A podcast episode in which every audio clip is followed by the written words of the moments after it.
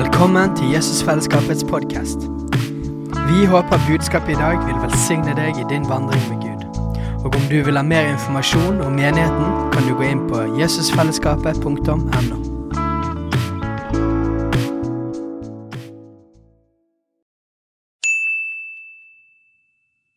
Hei! Visste du at Jesusfellesskapet starter en ny bibelskole til høsten? Den heter Jesusskolen og starter den 3. september. Gå inn på jesusskolen.no for mer informasjon. Gjennom våren så snakker vi mye om eh, kjennetegn eh, Kjennetegn eh, på apostolisk menighet. Det har vi liksom innom gjennom hele våren mellom litt andre ting også, som vi snakker om. Og hvis, du, hvis, du, ikke var den gangen Steinar snakka om hva er en apostolisk menighet, så kan du gå inn på podkasten og gå tilbake og høre på det. Uh, jeg går ikke med, med, så mye inn i det nå. Men hvis du kjenner at du er usikker på hva er, mener vi når vi sier det, så kan du gå tilbake og høre på det. Han uh, la ut godt og tydelig om hva vi mener med uh, å være en apostolisk menighet. Forrige gang jeg forkynte, så tok jeg utgangspunkt i Apostlenes gjerninger kapittel 2, vers 37 43. Vi skal, vi skal, gå gjennom en del bibel i dag. så du, Hvis du har Bibelen fysisk med deg, så må du bare ta den opp. Hvis du har den på telefon, så du, åpner du appen. Vi, skal, det, vi, skal, vi har litt vi skal gå igjennom. Er det noen her som eh, noen gang i sitt liv har tenkt eh, det er noen ting i mitt liv som gjerne skulle vært litt annerledes? Ja, Det er noen i alle fall som har tenkt det. Er det noen som har tenkt at det, det, jeg skulle gjerne hatt en litt annen livsstil? Ja, Er det noen som har tenkt at det, det, det er noen vaner jeg skulle ønske jeg hadde, hadde i livet mitt? Eller det er kanskje den uvanen jeg skulle ønske jeg ble kvitt? Ja, det, det, noen, det blir færre og færre hender her, men det er, det er greit. Det er, det, det er i hvert fall noen som kan kjenne på det. Og eh, jeg for eksempel, det, det, er mange ting jeg har lyst til å få gjort. Men eh, jeg har, jeg har, for eksempel, så har jeg lyst til å holde meg i sånn OK form. Så Jeg har lyst til å få trent Jeg har lyst til å få trent mer enn jeg gjør nå. Eh, og jeg, har lyst til å holde meg i form. Så jeg, jeg kjenner på at har, jeg har ikke den list, Min form er helt ok, men jeg har ikke den livsstilen som jeg egentlig ønsker å ha. Um, også, Hvis jeg går på fjellet med min bror Håkon, for eksempel, så merker jeg at han har en form som jeg skulle ønske jeg hadde. Sånn? Uh, og så kan jo jeg da ønske så mye jeg bare vil, at jeg var i like god form som Håkon. Jeg, ønske, jeg kan ønske så mye jeg bare vil, at jeg har den samme kondisjonen, og at jeg glir like lett oppover Ulrikken som han gjør. Jeg kan jo ønske meg det og håpe jeg kan, jeg kan til og med be om det. Jeg kan til og med faste om å få høyere O2-opptak. Ehm, jeg kan gjøre alle de tingene der. Eh, og bare sånn Gud, gi meg mer kondis! Og um, han kan selvfølgelig gjøre det. Altså, Gud kan gjøre hva enn han vil. Han kan gjøre det.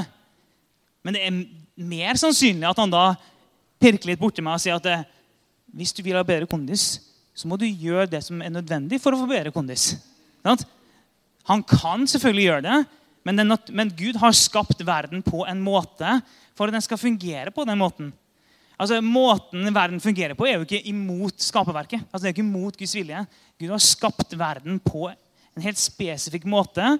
Den er skapt for å fungere på en måte, og det er godt. Guds skapverk er godt. Ja, det er en fallen verden, det er ikke alt som fungerer som det skal, men det er godt. Så hvis jeg vil ha bedre kondis og holde følge med Håkon oppe i Ulriken, ja, da må jeg da gjøre det samme som han. da. Og hva er det? Jo, han trener. Jo, han trener. Han, går, han, han trener mer enn meg. Og det er på en måte det så enkelt som det.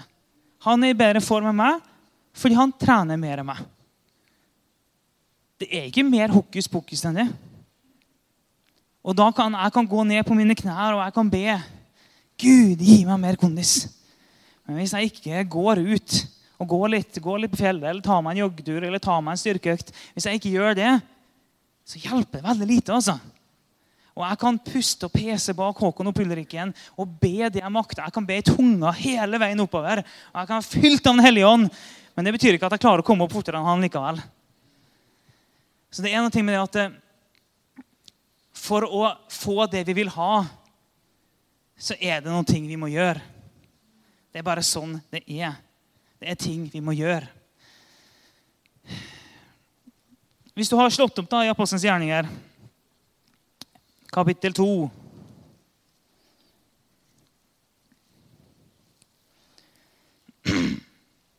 Når vi snakka om det forrige gang, så sa jeg det at de her tingene her er det som ofte blir kalt kirkens fire kjennetegn. For her står det Da de hørte dette, stakk det dem i hjertet, og de sa til Peter og de andre apostlene.: Hva skal vi gjøre, brødre? Peter svarte dem. Vend om og la dere døpe i Jesu Kristi navn, hver og en av dere, så dere kan få tilgivelse for syndene, og dere skal få Den hellige ånds gave. For løftet gjelder dere og barna deres og alle som er langt borte, så mange som Herren vår Gud kaller på. Også med mange andre ord vitnet han for dem, og han formante dem. La dere frelse fra denne vrangsnudde slekten. De som tok imot budskapet hans, ble døpt, og den dagen ble det lagt til omkring 3000 mennesker. De holdt seg trofast til apostlenes lære og fellesskapet, til brødsbrytelsen og bønnene.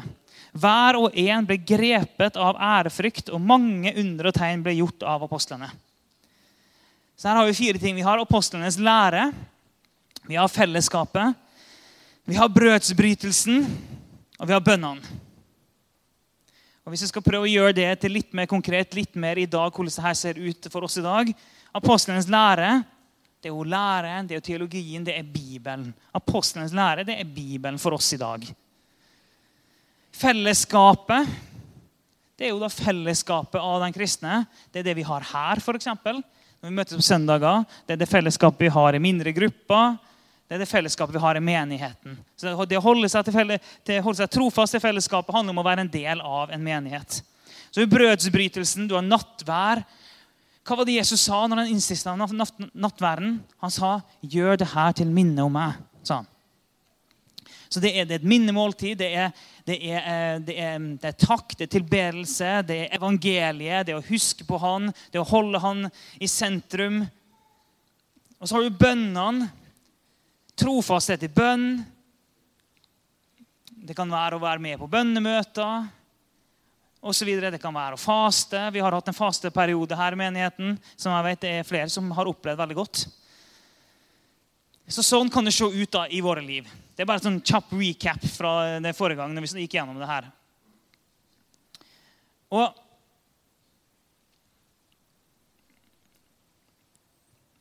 i, Det står her på slutten av versen leser sånn at 3000 ble lagt til. De holdt seg trofast til apostlenes lære, fellesskapet, brødsbrytelsen og bønnene. Og det, Hvis du ser på hva, hva er de her kjennetegnene Jo, tre av fire av de her det er noe en gjør. Det er praksiser. Fellesskapet Fellesskap er ikke, er ikke en teoretisk størrelse. Fellesskap er noe vi gjør. Fellesskap det er noe der vi snakker med hverandre, vi ser hverandre, vi møter opp. Eh, vi går til et sted, eller vi tar imot noen. Sånn vi gjør ting. Fellesskap er ikke noe vi bare er, det er noe vi gjør. Det er en praksis, det er en livsstil. Brødsbrytelsen nattvær, evangeliet, minnes Jesus det er jo eh, i, eh, Når vi leser Bibelen, så er det alltid konteksten av et fellesskap. Eh, men det er jo noe vi gjør.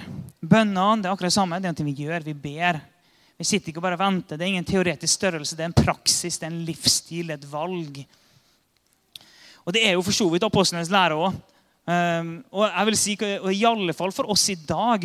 For hva vil det i dag si å holde seg til apostlenes lære? Jo, det vil jo si å fylle seg med denne boka her så mye som bare mulig.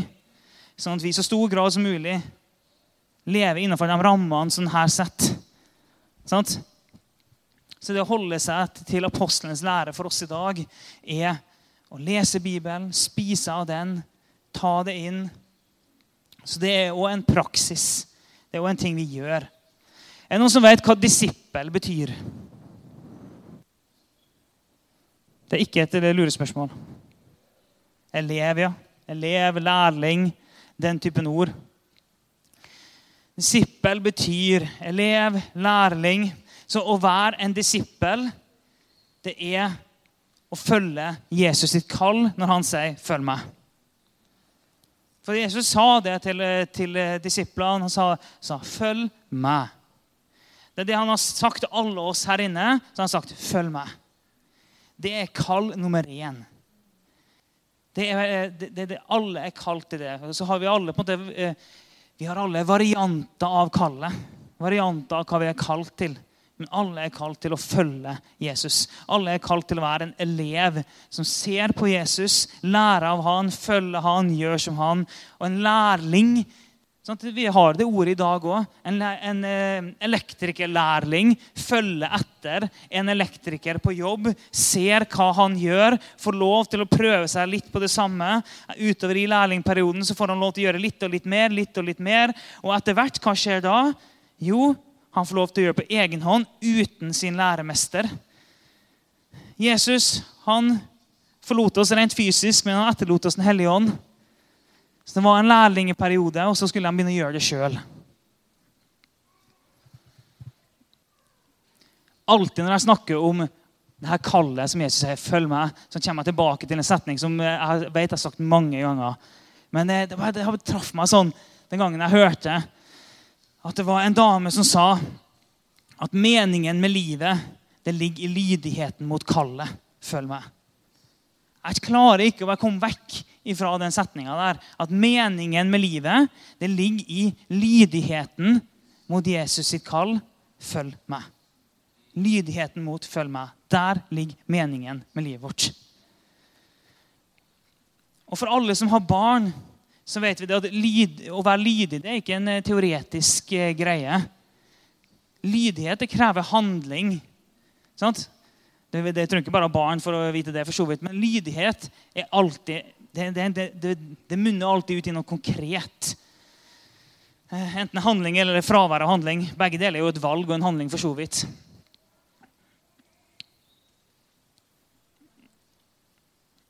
Så for å Om jeg vil være i like god form som Håkon, så må jeg trene like mye som Håkon. Om vi har lyst til å å leve som en apostolisk menighet, så må vi gjøre apostolisk menighet. Sånn? Om vi har lyst til å det er akkurat det samme. Har vi lyst til å se at flere mennesker blir helbreda, hva må vi da gjøre? Jo, da må vi be for flere mennesker. da. Sånn? Hvis vi vil at flere mennesker skal, skal, um, møte Jesus, hva må vi da gjøre? Jo, Da må vi forkynne evangeliet til flere mennesker. da. Det er denne tingen her er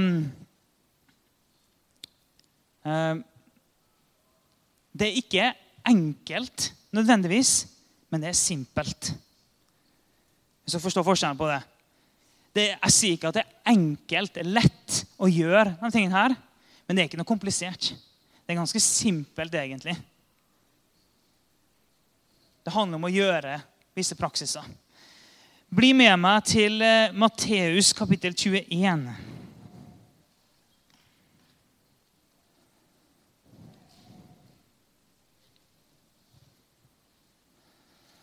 Vers 28.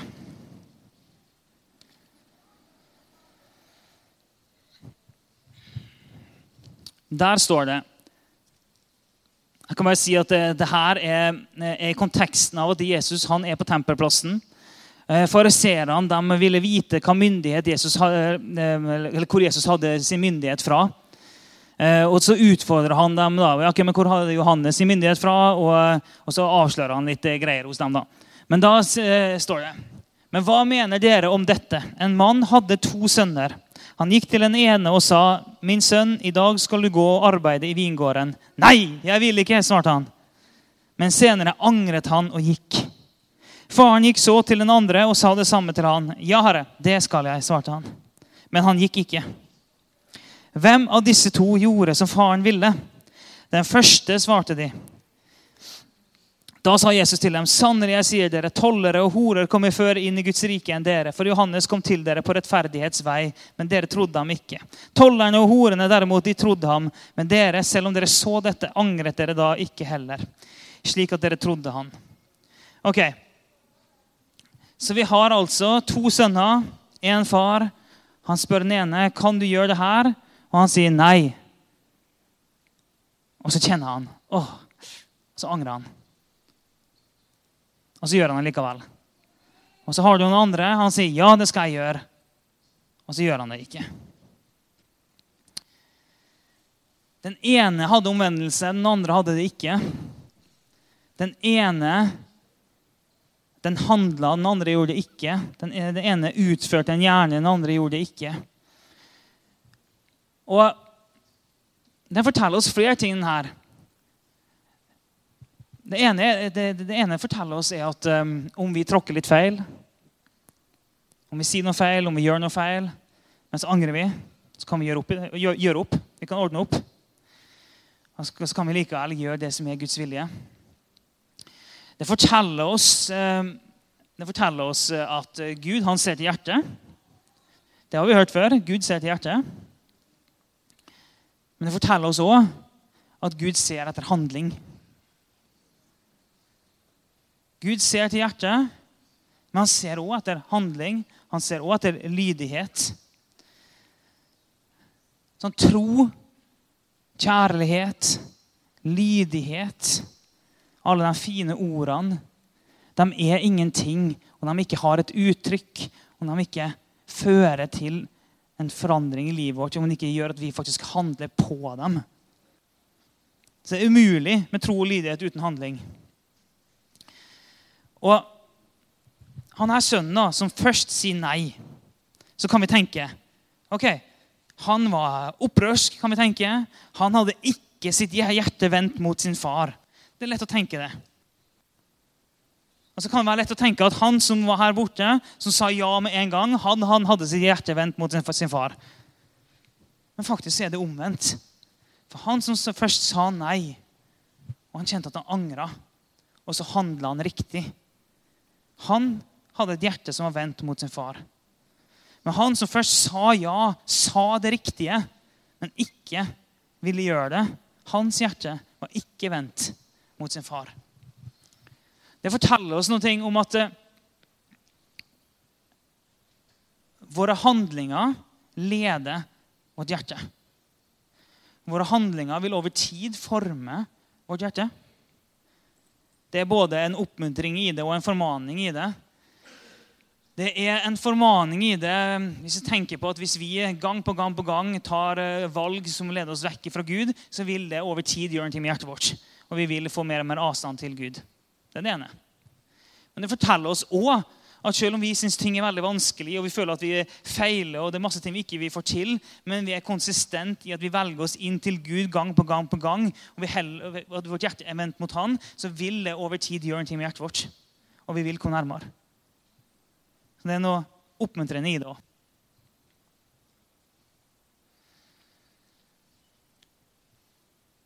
Ok, Gå til Lukas, kapittel 5. Jeg sa det var litt bibel i dag.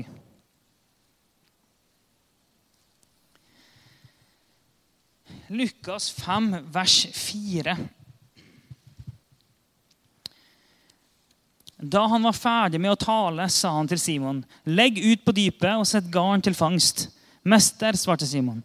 Vi har strevd hele natten og ikke fått noe, men på ditt ord vil jeg sette garn så gjorde de det og fikk så mye fisk at garnet holdt på å revne. De ga tegn til arbeidslaget i den andre båten at de skulle komme og ta i med dem. Og Da de kom, fylte de begge båtene så de var nær ved å synke.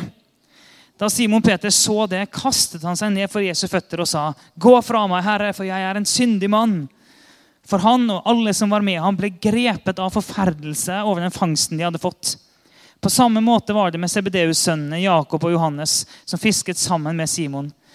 Men Jesus sa til Simon, 'Vær ikke redd. Fra nå av skal du fange mennesker.' Så rodde de båtene i land, forlot alt og fulgte ham.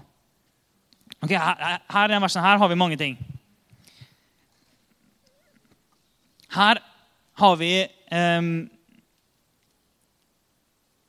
Altså um, Noe av det første Jesus sier Eh, legg ut på dypet, sett garn til fangst.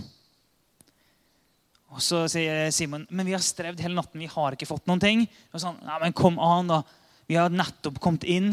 Du ber oss om å gå ut igjen. Altså, Vi har ikke fått noen ting. Men på ditt ord, på ditt ord, så skal vi gjøre det. Og rett etterpå så gjorde de det, står det. OK, på ditt ord. Greit. Og så står det så gjorde de det og, så, og fikk så mye fisk at garnet holdt på å revne. Og jeg vet ikke eh, hvor gode, gode dere garnene var, eller noe sånt, men når et garn holder på å revne, så, så er det iallfall litt mer fisk enn det de er vant med. Um, og Så må det andre arbeidslaget komme og ta i med dem. og De fylte begge båtene, så båtene var nær ved å synke. Og Når båtene er nær ved å synke, da begynner det å bli ganske mye fisk. altså. Eh, så da, da, begynner det å demre for oss. ok, her, det her var mer enn normalt, det her var mer enn normal fangst. Det her var ganske heftig. Og Så leser vi litt videre. Eh, først så ser vi at Simon Peter han kaster seg ned for Jesus' føtter. Bare sånn, 'Jesus er en syndig mann.' Han er tydeligvis sjokkert over hva det er som foregår her. Og så står det rett etterpå For han og alle som var med ham, ble grepet av forferdelse av den fangsten de hadde fått. Er det noen som har fått eh, så heftige bønnesvar at du har blitt grepet av forferdelse over den enorme frukten du opplever? Er det noen som har kjent at gudsfrukten tar tak i deg, for det, det, det er så heftig gjennombrudd. Gudsfrukten tar sånn tak i deg, for frukten er så enorm. Eller favøren er så stor. Det er ganske heftig. Så først så ser vi en troshandling Ok, Han er bare sånn, På ditt ord så skal jeg gjøre det. Vi har nettopp holdt på å fiske hele natta, ikke fått en dritt. Men på ditt ord så skal jeg gjøre det. Ok. Det er ingenting som tyder på at det var noe voldsom tro der. Og det er noe av det fine. Vi trenger ikke å føle troen. Vi trenger bare å handle på den. Det er det eneste vi trenger. Vi trenger bare å ta et valg. Vi trenger ikke å, trenger ikke å føle noen ting. Vi kan føle alt det kjipe i verden. Det eneste vi trenger å gjøre, er å handle på det. Det er tro. Så gjør han det, og så bare eksploderer det med fisk. Ok, og så må dere sette dere inn i situasjonen. De har nettopp fått så mye fisk at de er grepet av forferdelse. Det er mye fisk. Rett etter sitt største bønnesvar, gjennombrudd i livet. De har aldri sett noe sånt før, sånn sannsynligvis. De har aldri sett en sånn fangst. Rett etter det så står det helt på slutten Så rodde de båten i land, forlot alt og fulgte ham. Nettopp fått sitt største gjennombrudd, nettopp fått sin største fangst. Nettopp fått den største frukten de noen gang har opplevd. Og så bare forlater de alt, og så følger de Jesus. Så Først en troshandling, det er en lydighet. Altså, ok, jeg skal gjøre Det Det hadde aldri skjedd hvis de ikke handla på det. Etterpå så er det en lydighet som får sitt uttrykk i overgivelse. I total overgivelse. Ikke bare sånn lydighet i en handling, men er bare sånn forlot alt og fulgte han. Det er heftig. Du har nettopp sett det største du har opplevd kanskje i livet. Og bare forlater du det. Så følger du Jesus. Og det er sånn at De fleste av oss trenger ikke å selge alt vi har og sånn, og gi det vekk for å kunne følge Jesus. Men vi trenger egentlig å være villige til å selge alt det vi har. Sant? Jesus ber oss som regel ikke om å kvitte oss med absolutt alt vi har. Men han ber oss faktisk om å være villige til å kvitte oss med alt vi har. Det ber han oss om.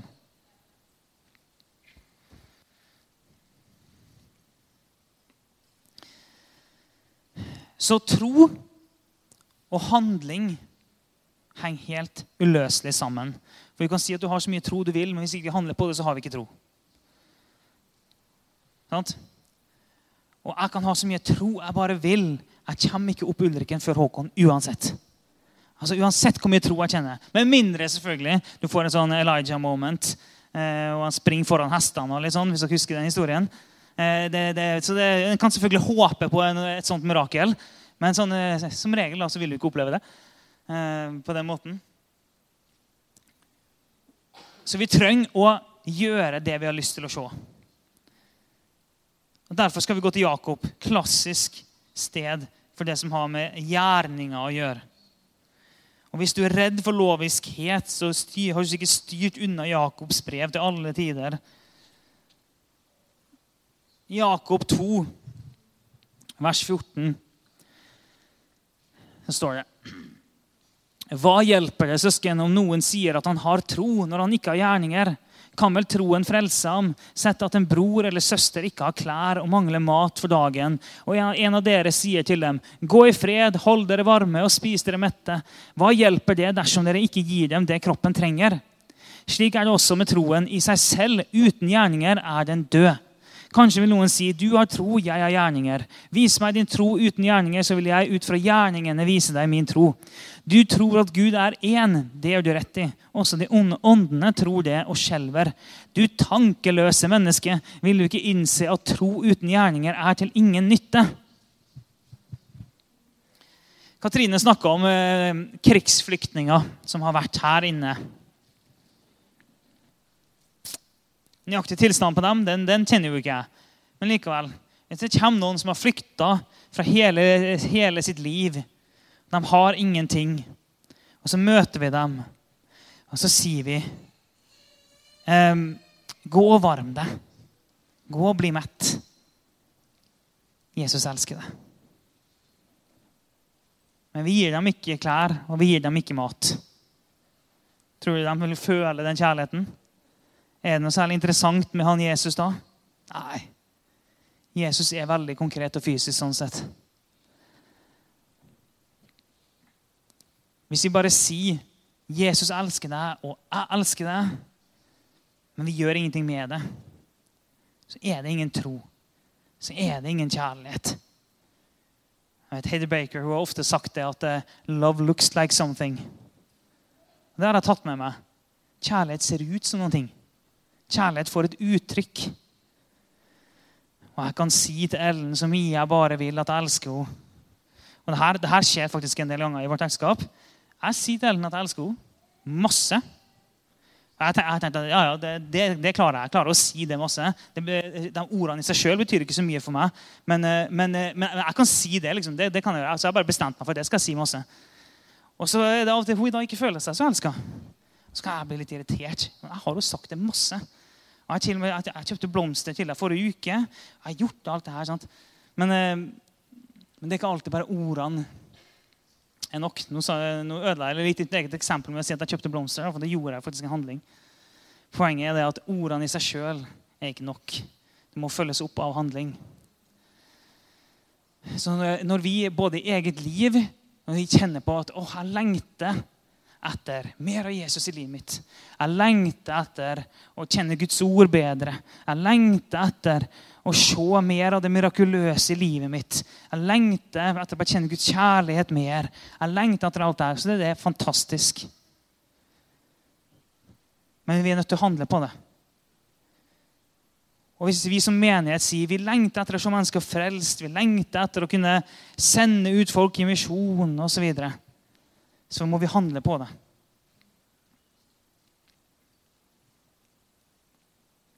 Det siste stedet jeg skal gå til Hebrebrevet, kapittel 10.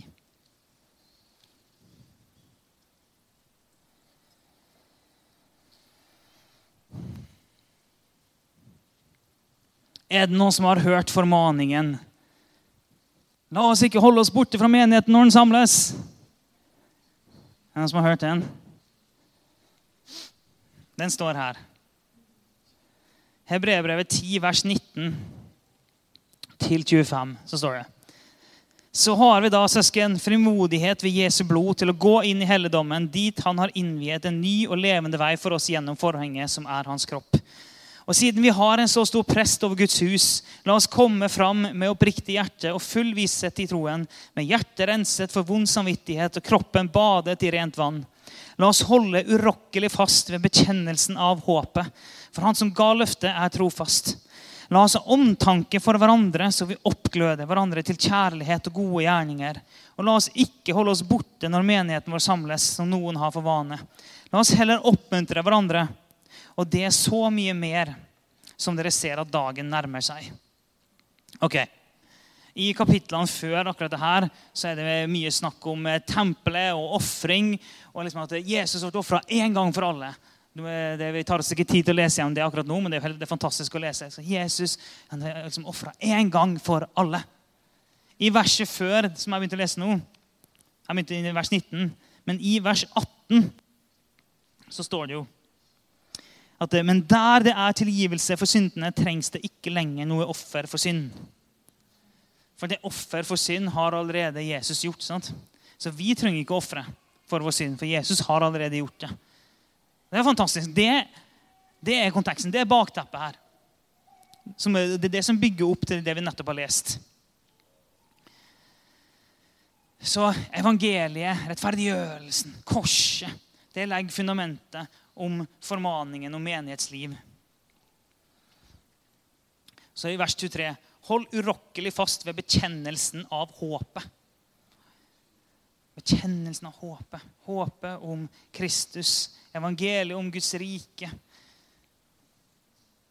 I vers 24.: Omtanke for hverandre, så vi oppgløder hverandre til kjærlighet og gode gjerninger.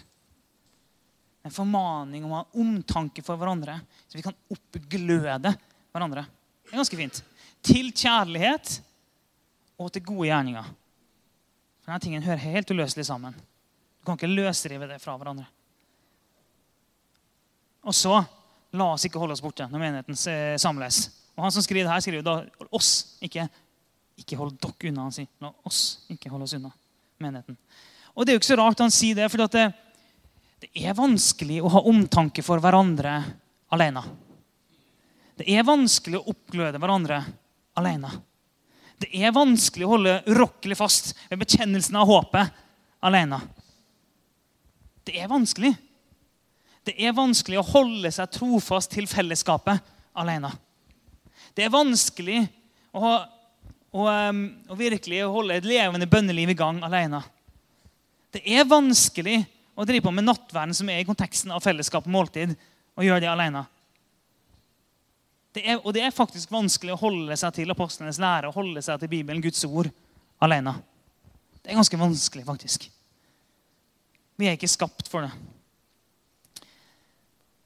Reidar Paulsen, tidligere pastor i Kristkirken, han eh, ble en gang spurt eh, hvis jeg husker historien riktig, spurt om eh, er det sånn at kristne må gå i menighet. Og så sa han jeg vet ikke. Bibelen sier ingenting om det. Jeg synes Det er et veldig morsomt svar. for Poenget han sier bare at det, i Bibelen er det helt fjernt at kristne ikke skal være en del av et fellesskap. Det er helt snudd på hodet. Det står ingenting om det, for alt i Bibelen peker mot én ting. Det er at vi er kalt til fellesskap. Vi er kalt til å være en del av familien. Det er det vi er kalt til. Det er helt utenkelig i Bibelen å være utafor fellesskapet. Og Hver gang når vi, en, når vi, kan ha tydelighet om formaning og fellesskap, så er det viktig for meg å si akkurat det her. Ehm, det må ikke være Jesusfellesskapet. Men det må være et Jesusfellesskap. Det må det være. Sant? Det må ikke være Jesusfellesskapet, men du må ha et Jesusfellesskap. Det må du ha. Du må ha et fellesskap av andre troende. Det må du faktisk ha. Det må ikke være her. Det kan være der. Og Det gjør at jeg, at jeg kan være sånn frimodig på å være tydelig på det. Du trenger ikke å gi deg inn her. Det er helt greit. Du trenger ikke å gi din tid og dine penger inn her. Det er null problem. Men du trenger faktisk å gi din tid og dine penger inn et eller annet sted. Inn i et eller annet fellesskap. Det trenger du. Alle trenger det. Og vi forplikter oss til det store fellesskapet, vi forplikter oss til det små fellesskapet. Og eh, jeg vil, jeg vil faktisk påstå at vi alle sammen vi trenger å være med og bygge og bære det fellesskapet vi er en del av. For hvem er det som eh, ikke gir noen ting inn til familien? Jo, det er jo barna. i begynnelsen av barna. De gir mye glede og sånn. Dere skjønner hva jeg mener. Eh, det, du kan liksom ikke legge tyngden av fellesskapet på de minste barna. Eh, så det er helt greit at når, når, du er ny i et fellesskap, så, så, um, så er, det, er, det, ikke så mye å bidra med. Etter hvert som du er virkelig en del av fellesskapet, så, så trenger du å være med og bygge og bære det fellesskapet. Og igjen, det trenger ikke å være her. Det kan være der ute et eller annet sted. Men vi alle sammen vi trenger å være med og bygge og bære i et fellesskap. Det trenger vi faktisk. Og Etter hvert som vi eh, vokser til, vi blir eh, mer mer moden, vi blir åndelig voksne, kanskje åndelige mødre og fedre, så trenger vi å være med og investere inn i det fellesskapet som vi er en del av. Så gjør fellesskap til en prioritet, ikke til strøssel på toppen som du har tid til når det passer sånn tilfeldig med alt det andre som skjer i livet ditt. Sant? Gjør det til fundamentet. Det er litt sånn Det er sånn økonomi, økonomiråd.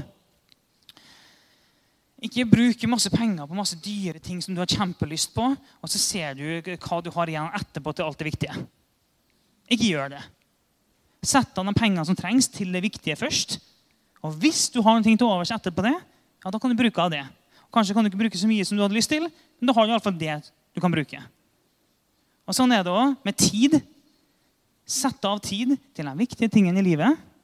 Og det du har til overs etterpå, ja, det kan du bruke på andre ting. Å vær tydelig på det det krasjer jo kanskje litt av og til med den samtiden vi lever i. fordi at eh, Den verden vi lever i, den sier eh, f.eks.: eh, Følg drømmene dine. Og vi, vi, tror jo langt på vei på det. da. Vi gjør jo det. Vi tror Gud har lagt drømmene ned i oss. Men enda dypere enn det så vet vi at dere verden sier det, Bibelen sier 'følg Jesus'. Og gjennom det så har han, han har lagt drømmene ned i oss, ja. Men, men, men Bibelen sier 'følg Jesus'.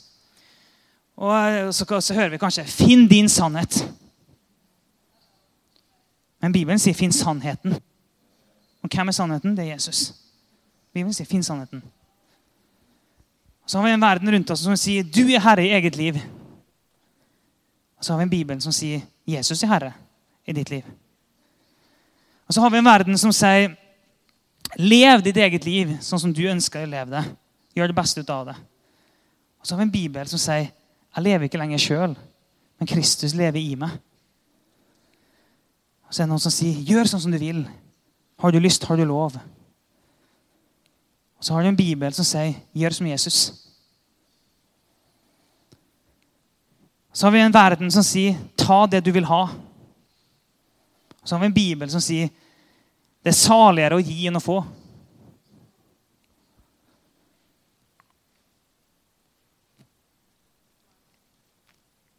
Så å være en disippel av Jesus, å være en etterfølger av Jesus, det legger fundamentet. Sånn den tre, det står, eh, For å gå tilbake der jeg begynte, så står det at sånn 3000 ble lagt til. De holdt seg trofast til apostlenes lære, fellesskapet, eh, brødsbrytelsen, bønnene. Det, det, gjorde de. Det var en praksis, det var en del av deres liv.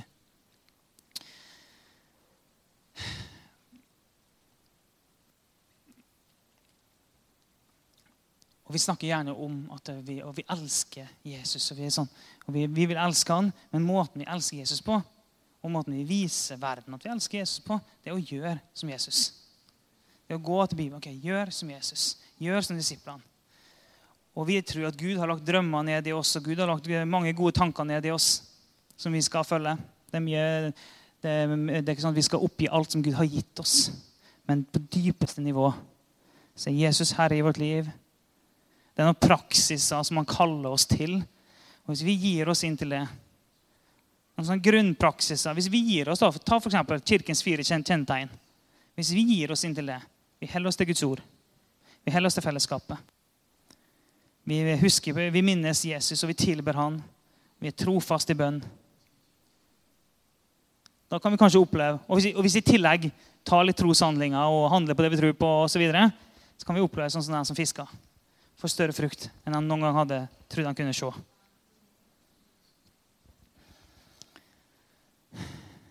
Det er mitt budskap til dere i dag. Så ta det med deg ut herfra og tenk igjennom. ok, eh, Har du lyst til å springe opp Ulriken fortest mulig, eller har du lyst til å eh, gjøre et eller annet annet? Men hva i livet ditt trenger å være en praksis da, for å få det til? Har du lyst til å lese Bibelen mer? Eller, jeg vil si på en annen måte. Har du lyst til å kjenne Jesus bedre. Ja, da kan du begynne med å lese litt Bibel hver dag. Litt Bibel hver dag. Gjør du det over tid, så er det helt umulig å ikke bli bedre kjent med Jesus. Uavhengig av hva vi føler. Les Bibelen litt hver dag. Gjør du det til en praksis, så vil kjennskap til Jesus være et kjennetegn ved deg. Så jeg utfordrer deg til å tenke gjennom livet ditt. Hva vil du skal være kjennetegnet ved ditt liv? Og så tenke gjennom Hva praksis trenger du da å ha for å komme dit? Amen. La oss avslutte der. Hei, alle sammen. Det er Katrine og Steinar Lofnes her. Vi er hovedledere for Jesusfellesskapet. Så kjekt du har lyttet til denne podkasten. Har du forresten hørt noen av de andre podkastene våre? Ukens tale, Disippelskolen, Hyrdepodden, Kulturkrigen og Mammas hjerte. Du finner disse podkastene på Spotify, Apple Podkaster og på nettsiden vår jesusfellesskapet.no.